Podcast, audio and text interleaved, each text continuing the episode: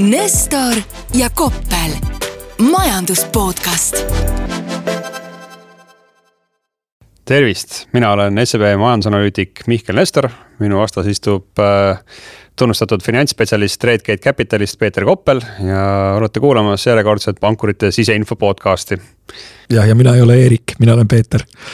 see sissejuhatus tuleneb sellest, et äh, Peeter kutsus mind esmaspäeva õhtul date'ile ja me käisime koos äh, värsket Eesti filmi vaatamas, aga ma poole, poole kino all sain ka aru, et miks Peeter mind kutsus, et ta tahtis lihtsalt näidata, et tema on ka selles filmis. ja fantastilised üksikud sekundid ja kusjuures keegi kuskil saalis hüüdis uhuu ja plaksutas ja see ei olnud Mihkel. ja see ei olnud mina ka kusjuures aga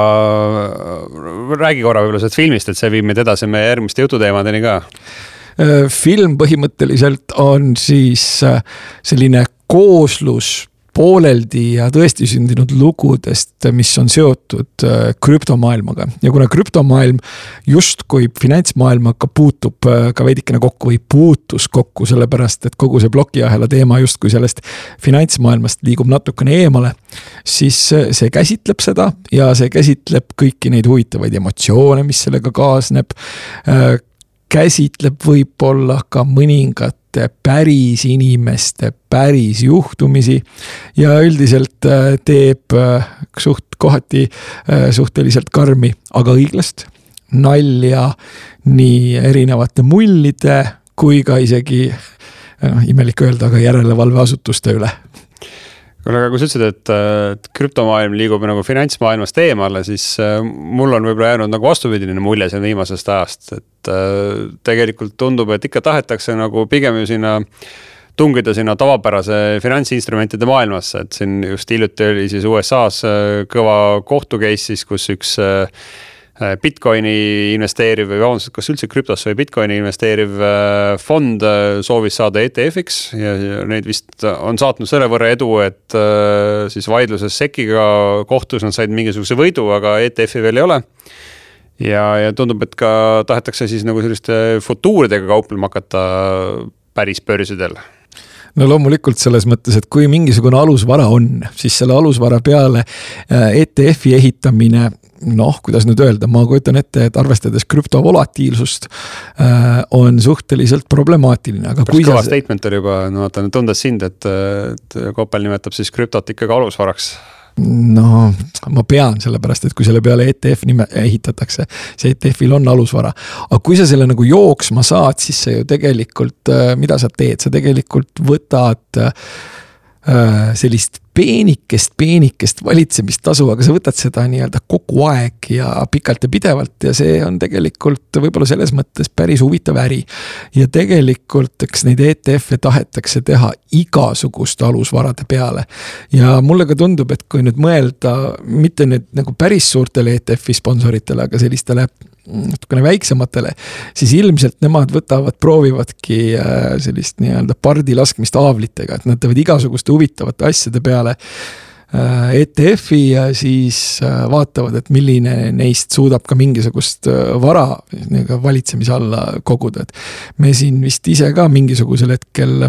naersime natukene ühtegi, ühte Ühendriikide ETF-i, mille, millele teps mitte eurooplane ligi ei saa. selle ETF-i sümbol oli YAA ei, YALL ehk siis Jaal ja see oli selline, kuidas nüüd öelda, Ameerika rohkem lõunaosariiklaste vaadetel baseeruv börsil kaubeldav fond, päris huvitav aga kui ma vaatasin nagu viimasel ajal neid äh, võib-olla suuremate krüptovaluutade hinnaliikumised, siis me oleme jõudnud mingisuguse stabiilse turuni, tundub, et äh, volatiilsust oli kusjuures uskumatult äh, väheseks jäänud. et jah, me oleme väga kaugel muidugi nendest tippudest, kus me kunagi olime aga, aga selline viimaste kuude hinnaliikumine on olnud noh, ma nüüd ei ütle, et see on olnud väiksem kui siin, ma ei tea, SB viiesajal, aga, aga tundus, et on nagu selline väga stabiilne turgu olnud Äh, jah, ja üks asi veel, mis on võib-olla huvitav, on see, et eks seal ole käivet ka ikkagi kõvasti vähemaks jäänud, et esiteks. inimesed on harjunud, mingisuguseid selliseid äh, haibimomente on vähemaks jäänud ja, ja kui ikkagi. ma tulen oma selle vana hüpoteesi juurde tagasi, et kui on ikkagi dollarit võimalik riskivabalt viie protsendiga paigutada, siis hästi palju rahast võtab, rahuneb maha ja teeb lihtsalt midagi muud ja ei torma enam hüsteerilis, ballistiliselt mööda süsteemi ringi, ei otsi igasugu imelikust ja sageli ka huvitavalt lõhnavast eksootikast seda tootlust. Ja, ja, ja no üks asi, mis mul veel silma jäi, et kui ma seal surfasin seal kuskil Binance'i keskkonnas, oli see, et äh, noh, me oleme siin rääkinud seda, et kuidas äh, vähemalt äh, teatud perioodil USA-s SB viiesaja ralli taga olid nagu mõned üksikud ettevõtted, on ju siis äh, kui ma ennem ütlesin, et krüptovaluutad on nagu stabiilsed olnud, et see stabiilsus puudutab ennekõike minu meelest suuremaid, äh, suuremaid tegijaid selles valdkonnas, et äh, noh, kõik need väiksemad eksootilised tegelased ikkagi noh. viimase poole aasta jooksul on nihuke üsna sihuke lineaarne trend sinna allapoole olnud, mis, mis noh, tõesti ma ütleks ka, et ilmselt on seotud sellega, et rahaga on ka igasugust muud vahvat asja tänapäeval pihta hakata, kust siis selle, selle eest meil intressimäära või muid, muid vahendeid makstakse. ja ilmselt on tõesti mingisugune rahunemine toimunud ja mingisugune liikumine eemale toimunud ja noh, suurte puhul võib öelda, et käibed on allapoole läinud, aga noh, mulle meeldib selline huvitav kanal ka nagu Twitter ehk siis uue nimega X. ja kui äh, seal ütleme mingisugustel perioodidel oli kogu minu nii-öelda feed täis erinevate selliste noh, ballistiliste krüptoevangelistide mm, hüüatusi sellest, kuidas kohe hakkab toimuma ja mis nüüd kõik toimub ja mis varsti veel toimub. ja kuidas üleüldse toimub, siis nüüd need on ka kuidagi jube, jube vaikseks jäänud, et nad ei kipu nagu eriti midagi ütlema. ja praegu on krüptotalv ja varsti tuleb uuesti kevad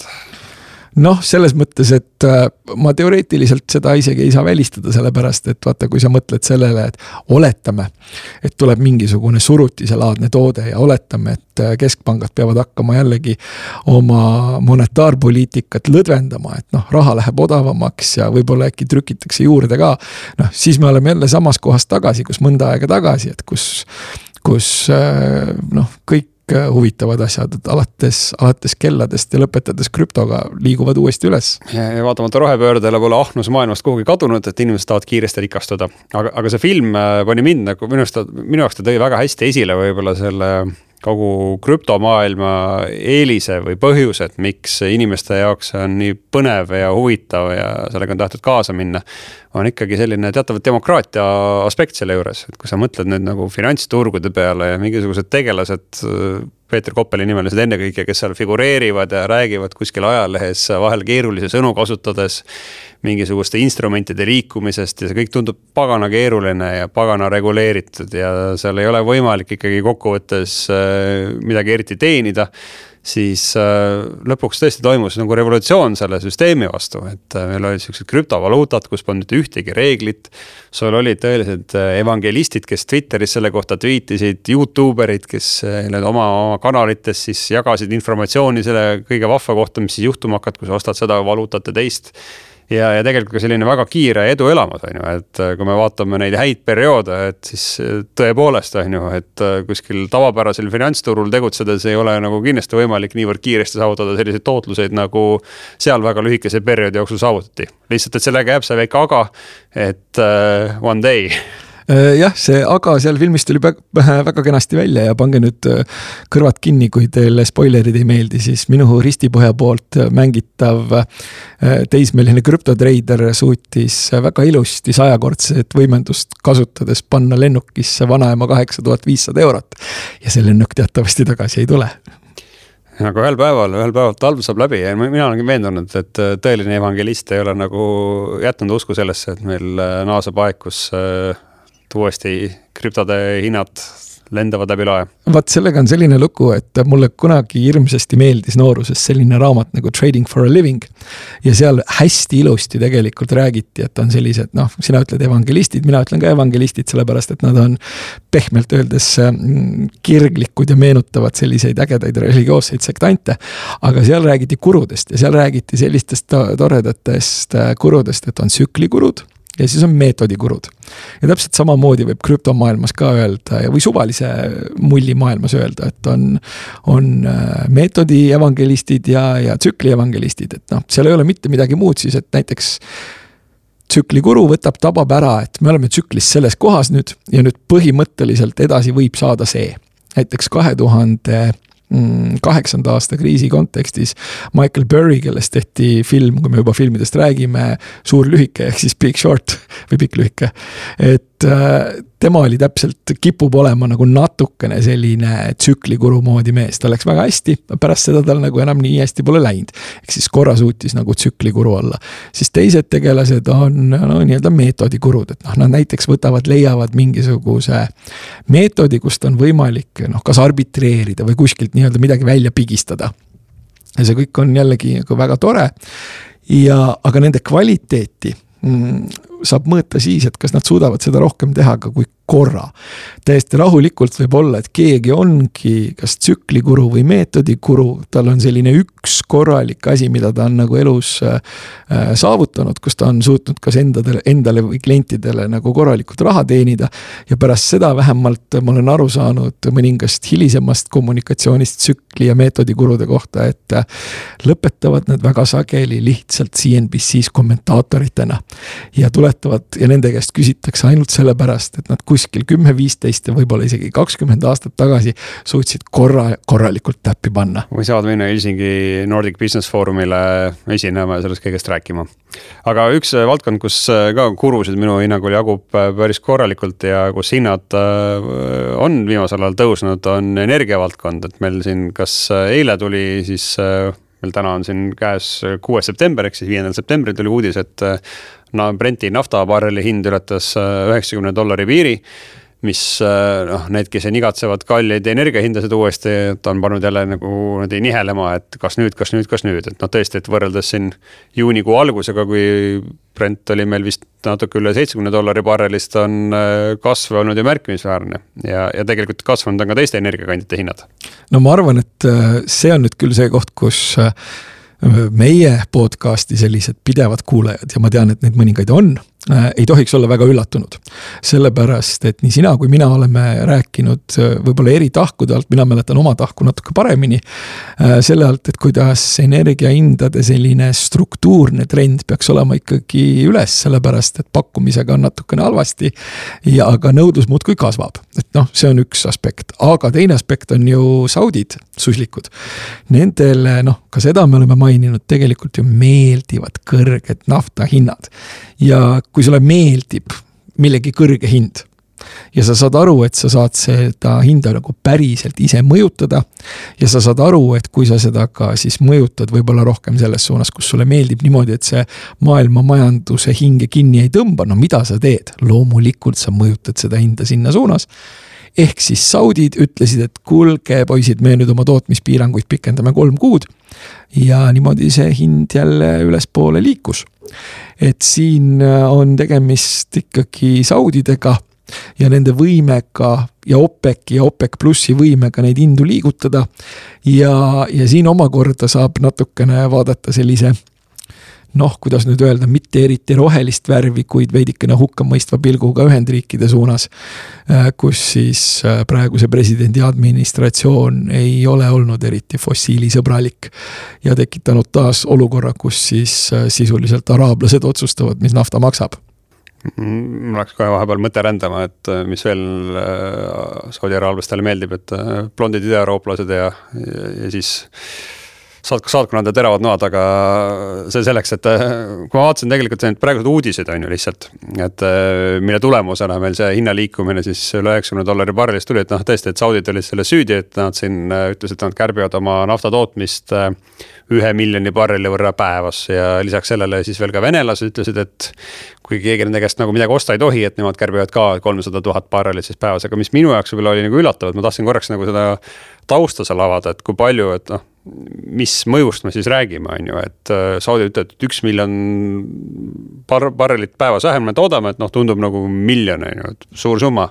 aga, aga päevas siis äh, toodetakse tegelikult äh, naftat sada miljonit barrelit päevas ja, ja tegelikult OPEC-i kontrolli all sellest on kõigest üks kolmandik, et noh, iseenesest nagu minu jaoks oli võib-olla üllatav jah, et sedavõrd suured hinnaliikumised tulevad nii väikeste uudiste peale, aga, aga noh, mõeldes sellele, et see nafta tarbimine maailmas ilmselt äh, on üsna sihuke täpne, et noh, seda sa väga palju nüüd sinna lattu ka ei tooda, et äh, siis seetõttu ilmselt ka need sellised suhteliselt suured muutused. No siin on äh, kaks aspekti, esimene aspekt on see, et nafta tarbimine, noh, et see kõik, mis välja pumbatakse, et see tarbitakse ka ära. ja nafta tarbimine on meil praegu kõigi aegade tipus, ehk siis kujutad ette, et kogu selle jutu juures, et äh, noh, põhimõtteliselt ütled, ütled fossiil ja mõtled äh, vanemat pahurat äh, meesterahvast, kes sõidab bensiini või diiselautoga, on ju. et fossiilsed kütused on pahad, aga tarbimine on kõigi aegade tipus, aga teine asi on seal muidugi jällegi see, et kuidas see väljend oligi õpikus, et hind on nagu mitteelastne, et see kipub tekitama olukorra, kus siis natuke see nõudluse kasvu võtab, tekitab suure hinnatõusu ja kui me nüüd mõtleme, keerame seda natuke teistmoodi, siis noh, natukene mm, pakkumise vähenemist võib tekitada ka üpris huvitava, huvitava hinnakasvu. ja siis me jõuamegi selle juurde, et okei okay,, OPEC on küll ainult üks kolmandik, aga nemad ikkagi kipuvad otsustama ja teine asi on see, et ega siis Saudidele noh, nagu, nagu öeldud meeldib see hind, mis võib-olla üheksaga algab või vähemalt äh, kaheksaga. ja siis, kui mina oleksin aktiivsem naftaspekulant, kui ma praegu olen, siis noh, ma ju mõtleks, äh, mille peale, ma mõtleksin, et äh, aga nad võivad seda veel teha. muidugi ma tean, et selles noh, see turukitsikus on selline, et ega meie oleme siin mõlemad parajad diletandid nagu sellest energiaturust ja nafta hindadest rääkides, et selle nafta sees on ju neid mikse on seal igasuguseid, et ma saan aru, et millest väga puudust tuntakse, on siis mingi Venemaa poolmagus äh, Chardonnay äh, nafta, mis, mis pidi olema väga populaarne mingite toodete valmistamiseks, aga mida nüüd pole üldse kättesaadav, et. et seal on ka selles naftaturu sees on niisuguseid erinevaid äh, liikumisi. On, on ja, ja et, et kui selle, see on, see on äärmiselt huvitav, et, et noh, see, mida ikkagi tahetakse maailmas enamuses, et selle asja nimi on light sweet, eks see on siis kerge ja, ja, ja poolmagus, aga, aga on olemas ka raske ja hapu ehk siis heavy sour. ja noh, näiteks äh, Venezuela, mis on sellise, kuidas ma nüüd ütleksin äh,, fantastilise vasakpoolse majanduseksperimendi musternäide. kellel siis on maailma suurimad äh, merealused naftavarud, aga vaatamata sellele on äh, äh kana söömine ikka selline luksus, mida ikkagi praktiliselt mitte keegi enam endale seal lubada ei saa peale riigiametnike. et neil näiteks seal mere all on siis see see, see hapu ja raske. ja selle kättesaamine on sealt äh, võib-olla selline keeruline ja siis, kui keegi küsib, et äh, miks teil äh, nagu vaesus majas on, kui teil on nii suured naftavarud ja miks keegi enam midagi ei jaksa osta ja miks inflatsioon nii kõrge on. siis öeldakse neile, et aga vot, meil on see vale sorti nafta. peamine probleem oli see, et Hugo Chavez muutus tuviks, et ta ei surnud ära, ta muutus tuviks ja pärast seda on tabanud Venezuelat raskused aga noh, energiahindadest nagu, mis kõiki huvitab, on ju see, et mis siis ikkagi saama hakkab ja, ja täna see nagu need turusignaalid äh, on ju mõneti nagu vastuolulised, eks, et ühelt poolt noh, kõik on nõus sellega, et meil on äh, nihuke üsna kitsad olud seal turul ja sellised väiksed uudised võivad äh, hindasid kiiresti mõjutada. noh, mida väga palju kardetakse vist on selline külm talv, et noh, täna on ju ikkagi üsna teadmata, et mis ilmastikuolud meile nüüd siin eriti Euroopas meid talvel ees ootavad ja see hakkab mõjutamas ennekõike mitte siis äh, nafta, vaid äh, maagaasi hindasid. aga teisalt, kui sa vaatad nüüd nagu maailmamajanduse pilti ja, ja seda, mis seal Hiinas ennekõike toimub, siis äh, võiks justkui loota ka kergemat põle, põli, et ma kuskilt leidsin niisuguse numbri, et Hiina nii-öelda tarbimine siis kogu maailma naftast on üle neljakümne protsendi ja kui me ütleme, et Hiina majandusel hakkab minema ikkagi kehvemini, kui me alguses prognoosisime, siis see võiks ju tähendada seda, et jällegi see surve energiahindadelt tuleb maha. Jah, aga noh, ütleme see tundub ikkagi olevat selline turg, kus see volatiilsus ja mingisugused sellised geopoliitilised riskid ja kõik need mängivad sihukest parajat rolli ja ilm ka. selle kohta ma oskan ainult öelda seda, et mul naabrimees võttis, fikseeris äh, minu teada nagu talveks gaasi hinna juba ära. ja see tähendab ka seda, et minul on gaasi hind talveks ära fikseeritud aga kui ma vaatan äh, prognoose, mis on siis teinud äh, meie või noh, ma ei saa öelda enam meie, vaid äh, minu kodupanga, siis helendav nurmekondlane Norrast, Bjarne Schilderoep, kes on siis väga meie, ütleme, SEB Grupi tuntud toorainekuru siis ta on lähtunud sellest nagu parimast praktikast toorainete hindade prognoosimisel, et siis umbes praegu on hind, aga natukene ülespoole, et näeme siin kuskil aasta keskmisena sihukest võib-olla hinda kaheksakümmend seitse koma viis. Äh, jah, aga kui nüüd mõelda igasuguseid toredaid äh, suuri maju, siis äh, need ikkagi esimeses kvartalis, võib-olla natukene ka teises, kippusid selle aasta viimaseks kvartaliks prognoosima nafta hinda, mis on nagu kolmekohaline, aga see noh, võib realiseeruda, aga praegu tundub, et kolm, kolm kohta on natukene palju võitu. Tundub üsna optimistlik lähenemine aga seal on veel üks asi, enne kui me mingisuguse järgmise toreda teema juurde lähme, seal on üks huvitav asi veel, et mida siis sellised äh, ütleme, makro hedge fondi mehed ja, ja, ja sellised äh, makrot hin-, hingavad ja, ja ilmselt ka õhtuks söövad mehed äh, kipuvad ütlema, on see, et äh, kuna toormehinnad äh, hirmsamal kombel võtsid, äh, korreleerusid sellega, mis keskpangad tegid, ehk siis kui oli rahatrükk ja madalad intressid, et siis toormed läksid üles. ja kuna keskpangad siis nüüd võib-olla enam nii agressiivsed ei ole, et edaspidine intressi liikumine nüüd nii kiire enam ei ole, siis on jälle kätte jõudnud aeg, kus toormed võiksid paremini toimida mille kohta nüüd mina küll vaatan seda, et toormeindeksid tõesti on ülespoole läinud, aga kui ma siin nagu sisse, sisse vaatan siis äh, see kipub ikkagi kangesti sinna energiakandjate poole minu meelest kaldu olevat. ja noh, nendest põhjustest me juba rääkisime, et need on need saudid sindrinahad äh, jah, aga, aga tahaks sellele energiateemale joone alla tõmmata ja, ja kolmas teema, mida me täna siin plaanisime käsitleda, on siis äh, see ebaõiglaselt töötajatele välja maksmata jäetud ettevõtluse kasum et nimelt noh, tuntud tees ju, kus, ma ei mäleta enam, kus see tuli, mingi ametiühingu tegelane meil Euroopast vist tuli, ütles, et äh, see on ebaõiglaselt välja jaotamata töötajate palk, aga. kusjuures see oli, see oli äh, roosas Ärilehes täiesti nagu välja toodud äh, tsitaat. ja selle juures oli naljakas võib-olla see, et et mingisuguste selliste noh, kuidas ma nüüd ütlen, noorte ja mitte nüüd eriti elukogenud inimesed olid seda üritanud nagu varasemalt äh, ka väljendada. aga see oli kasutusel nagu rohkem sellise klišeena või siis naljana selliste inimeste arvel kes nagu ei saa päris hästi aru, kuidas majandus toimib. ja siis tuligi Euroopast ametiühingu tegelane ja ütles, et põhimõtteliselt ettevõtte kasum on töötajatele ebaõiglaselt maksmata välja jäetud palk aga lihtsa inimese nöörimine jätkus Eestis ka muuseas äh, selle aasta teises kvartalis, et kui me oleme siin rääkinud päris palju sellest, et kuidas Eesti majandusega on lood väga hapud ja majandus on siin juba aasta aega languses olnud ja äkki läheb veel hullemaks. siis äh, teises kvartalis vaatamata sellele, et meil mul skp kukkus siin püsihindades kolm protsenti siis tegelikult ettevõtlussektor suutis endiselt oma kasumit aastases lõikes äh, suurendada, et küll mitte nüüd ülemäära palju enam, aga, aga siiski natukene. nominaalselt nominaalselt jah, et ja noh, tegid nad läbi, läbi selle seda, et kuigi siis äh, tulud tegelikult vähenesid siin äh, viis protsenti. võrreldes eelmise aasta sama ajaga, siis samal ajal kukkusid ka kulud ja kulud kukkusid viis ja pool protsenti. ehk siis jälle jäi natukene rohkem sellele äh, vaesele ettevõtjale pihku. ei, mitte vaesele ettevõtjale, rikkale ettevõtjale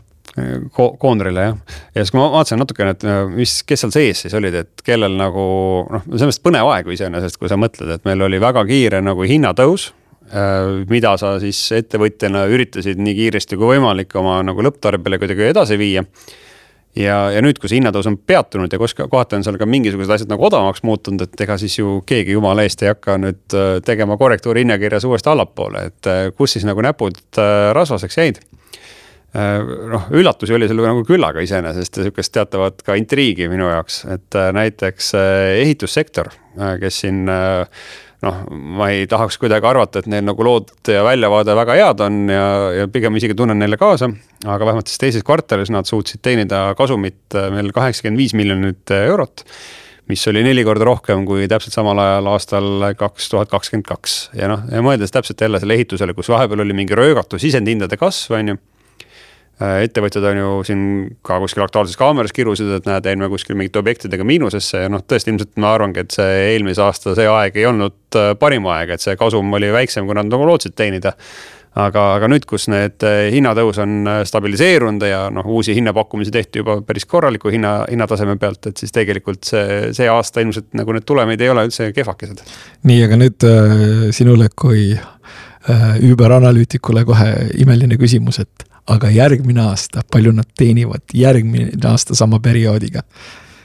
no see ei huvita nüüd äh, Euroopa Ametiühingu tegelasi põrmugi, et äh, täna on äh, noh, nagu ka pankadegi puhul, et liigkasuvõtjatelt tuleks ikka kohe kõik ära võtta, et vaatame, mis see homne päev, et siis selle küsimusega tegeleme homme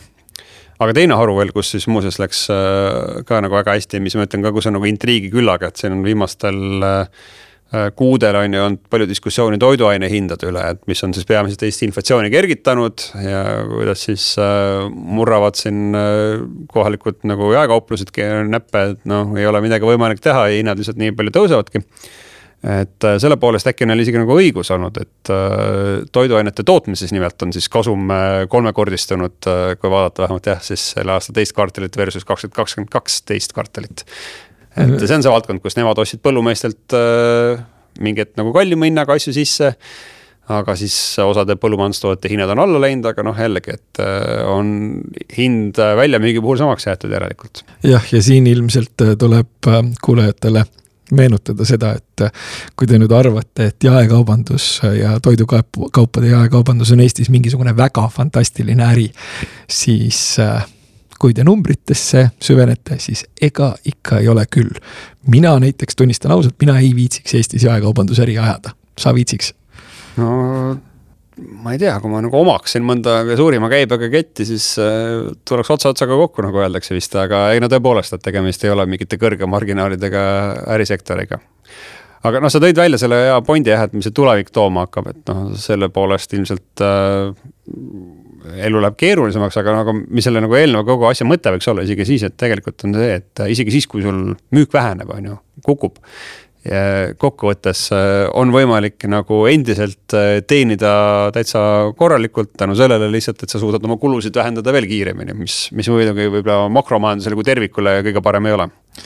jah, aga kui nüüd tuua sisse just nimelt see tuleviku teema, siis äh, ka selline üldine pilt, ütleme arenenud maailmas just nimelt nagu kasumite osas. et see on selles mõttes sarnane, et need tegelikult on olnud Äh, võib-olla oodatust paremad ja noh, loomulikult teatud sektorites äh, isegi ootusi ületavad, et noh, räägime siin mingisugustest tehnoloogiaettevõtetest jälle.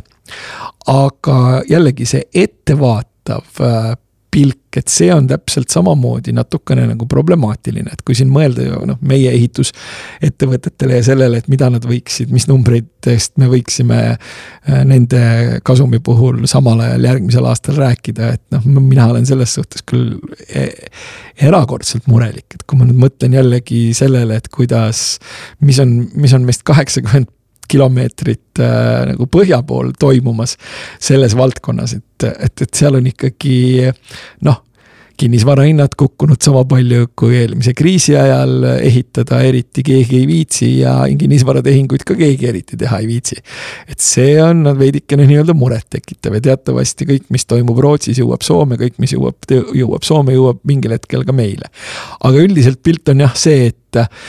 et ka nendel ettevõtetel, kellel on hästi läinud, nad on veidikene ettevaatlikud selles osas, mis tulevik tooma hakkab. ja kui ma jälle vaatasin meie ühe väga armsa ja toreda ja lemmiku juba rohkem kui seitsesada aastat meie lemmiku, ehk siis sakslaste. ma mõtlesin, et Katri Teller tuleb, aga seitsesada aastat, siis on keegi teine. seitsesada aastat äh, meie lemmiku äh, sakslaste äh, nii-öelda ostujuhtide indeksid, siis noh, neid avaldati ja need jälle kukkusid, ehk siis äh, ka.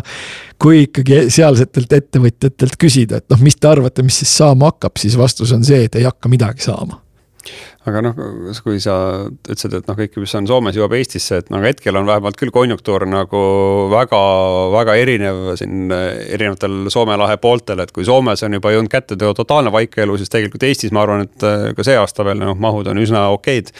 Et kas meil tulevad tagasi need aastad, et nagu siin varased seitsmekümnendad, et soomlased tulevad siia uut Viru hotelli ehitama, huvitav, et no vot, see oleks päris huvitav, aga kui me nüüd mõtleme niimoodi sellistele rahvuslikele eripäradele, siis üldiselt ongi niimoodi, et mida lõuna poole sa lähed, seda elavamad need tegelased kõik ongi, et noh, võrreldes äh,